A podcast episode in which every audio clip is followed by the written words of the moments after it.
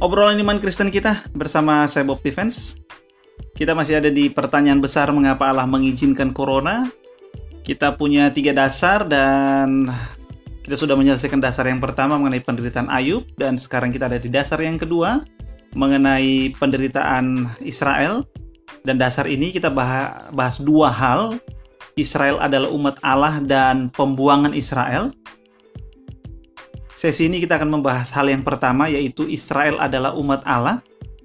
Dan dalam Israel adalah umat Allah ini kita punya dua bagian yang akan kita bahas. Bagian pertama adalah apa artinya Israel itu umat Allah.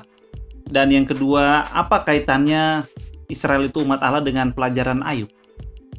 Nah, bagian yang pertama apa artinya mempunyai dua sub bagian yaitu kita akan bahas pertama asal mula Israel dan yang kedua adalah perjanjian Allah dengan Israel untuk mengetahui apa artinya Israel adalah umat Allah. Sesi ini akan bagia, membahas sub bagian yang pertama yaitu asal mula Israel. Nah, kalau berbicara tentang asal mula Israel maka kita langsung mengingat Abraham sebagai orang yang pertama kali uh, di mendengar atau me, me, mengalami penyataan Allah karena Allah menyatakan dirinya kepada Abraham bahwa akulah Allah yang maha kuasa. Yang menarik adalah yang nanti kita lihat pada bagian yang kedua yaitu um, bukan subbagian tapi bagian yang kedua mengenai kaitannya dengan Ayub.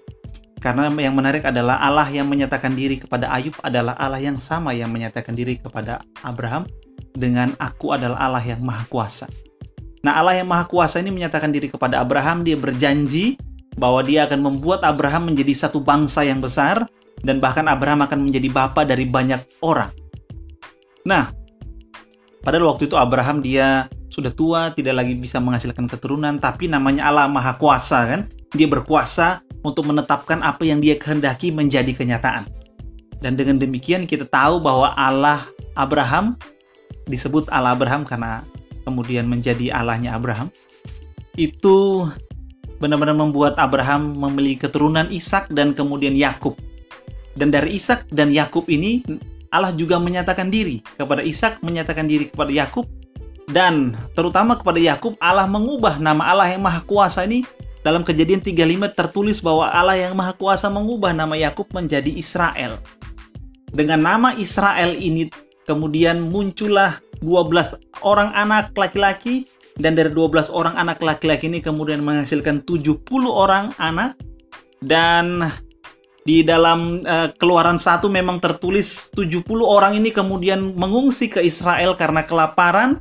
Dan 70 orang ini di keluaran satu tertulis bahwa dari 70 orang ini um, menjadi banyak sekali orang di Mesir kelaparan ini kamu tertulis di um, bukan di keluaran satu tapi di kejadian uh, 37 ke sana kisah tentang Yusuf. Tapi di keluaran satu tertulis bahwa orang yang 30 yang 70 orang ini jadi banyak orang jadi satu bangsa besar. Dan kemudian satu bangsa ini kemudian tertindas di bawah Mesir karena Yusuf sudah mati ada raja lain yang sama sekali tidak kenal Yusuf. Dan kemudian um, Israel tertindas, terkungkung, dan terancam punah karena penjajahan yang sangat menyiksa mereka. Bahkan uh, anak laki-laki tidak boleh lahir, harus dimatikan ya kan karena memang untuk uh, depopulasi ya kan, membuat Israel jadi berkurang bahkan sama sangat uh, benar-benar berkurang. Inginnya begitu oleh raja yang baru ini, tapi kemudian um, Allah mendengarkan seruan mereka minta tolong karena kemudian Allah membebaskan mereka dari penindasan, dari uh, terancam mereka untuk punah, jadi kembali menjadi sebuah bangsa yang mandiri. Nah, dan di situ Allah menyatakan diri kepada seorang yang bernama Musa, dan oleh Musa ini Allah memimpin Israel untuk keluar dari Mesir.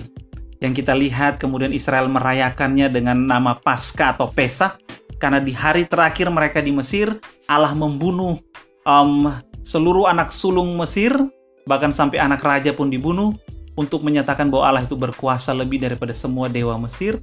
Dan kemudian Israel keluar dan bahkan Allah membunuh semua pasukan Mesir yang mengikuti Israel ingin mereka kembali.